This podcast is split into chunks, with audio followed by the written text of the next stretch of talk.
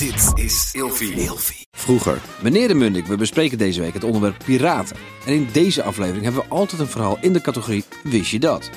We gaan het hebben over de onderlinge democratie bij piraten. Piraten zijn vreed. Maar de basis van de piraterij was eh, ja, gebaseerd op gelijkheid. En democratie stond heel hoog in het, in het vaandel. Bijvoorbeeld de verkiezing tot de kapitein verliep democratisch. De mannen kozen hun bevelhebber door te stemmen. Voldeed hij niet aan de verwachtingen, dan konden ze hem afzetten. Dan kwam er een herverkiezing. Of als deze beste piratenleider niet af wilde treden, gebeurde dat onder dwang. Oh, echt waar? Ja, zeker. Dus de leider van een schip, de kapitein, hoe het ook heet, Werd democratisch gekozen. maar die kan toch niet afgezet worden? Dat is toch altijd de stoerste? Die Nee, maar kijk, als, je, als jij je werk niet goed uitvoert, of als jij zorgt dat de bemanning in gevaar komt, of dat je misschien stilt van je bemanning, of, dan mogen ze dus gewoon in opstand komen. Jij, verdien- jij krijgt een leider die je verdient, of die, zeg maar, with the best of interest, eh, jou leidt. Maar je En- vertelt het nu wel heel erg, heel erg romantisch. Van, oh, wat, wat, wat goed dat ze dat zo deden. Maar ik kan me voorstellen dat zo'n kapitein op zo'n piratenschip... echt wel zijn mannetjes daar heeft rondlopen... die voor hem door het vuur gaan. Ja, absoluut. En die de, de rest even vertellen... als je nou tegenstemt, dan eh, stomp ik je even ja, helemaal nou, het onderdeel. absoluut. Ehm, Dus uiteindelijk lijkt het democratisch... maar je zet natuurlijk een wassen neus... als het gaat om het kiezen van de kapitein. Ja, nou, kijk, ik, ik ga zo de, de code van eh, Bartholomew Roberts eh, voorlezen. En dat is de, de, een van de meest bekende piratencodes die nog bewaard is gebleven. Maar er zijn dus ook in de memoirs of in de, de zeeverslagen van eh, Blackbeard, hè, van Zwartpaard, waar we het eerder over hebben gehad.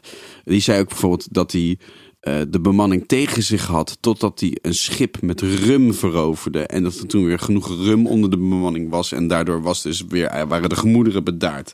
Oké, ehm, hier komt even een, een stuk van de, de aller, een van de alleroudste piratencodes die bewaard is gebleven. Punt 1. Iedere man heeft een stem in de gang van zaken en heeft gelijke rechten op de provisie en de sterke drank die buitgemaakt is. Mag het tot zijn plezier nuttigen, tenzij schaarste tot zuinigheid noopt. 2. Iedere man zal op zijn beurt van de lijst geroepen worden om te delen in de buit. Want bovenop hun aandeel mogen ze van kleding wisselen. Maar als het gezelschap voor maar 1 dollar bezwendelen, zullen ze op een onbewoond eiland worden achtergelaten.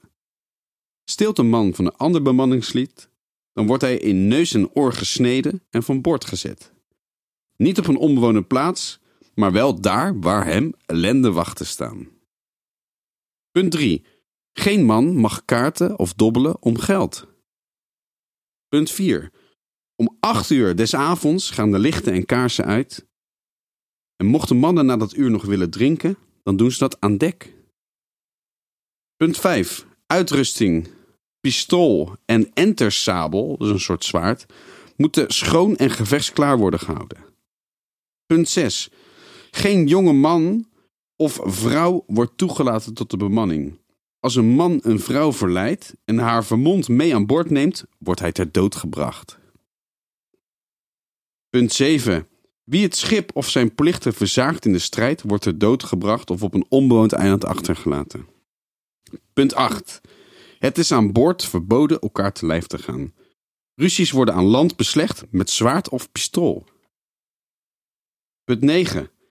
Het is verboden te spreken over opgeven van het piratenleven totdat elke man duizend pond heeft verdiend. Elke man die voor dat moment ledematen verliest of kreupel raakt, heeft recht op 800 pond uit de gezamenlijke middelen en voor mindere verminkingen evenredig. Punt 10. De kapitein en de eerste stuurman hebben elk recht op twee delen van een buit.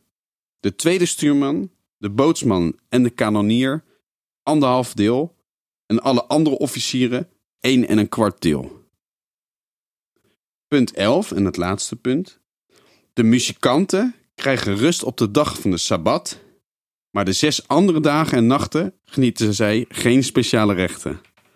Dit lijken me wel hele goede regels eigenlijk. Ja, ik ben ook wel echt wel verbaasd over wat ik hier allemaal lees. Ik kan me voorstellen dat hoe vreed je ook bent, maar je bent met een groep mannen aan boord, dan ga jij je hier wel aan houden. Want als jij inderdaad steelt, dan weet je dat de rest wat ze met je doen. Ja, je, je- sterft. Het enige wat ik denk is, volgens mij was dat punt 9. Als je kreupel raakt, krijg je 800 pond. Of een verminking, of een arm miste. Dat lijkt mij wel heel lucratief.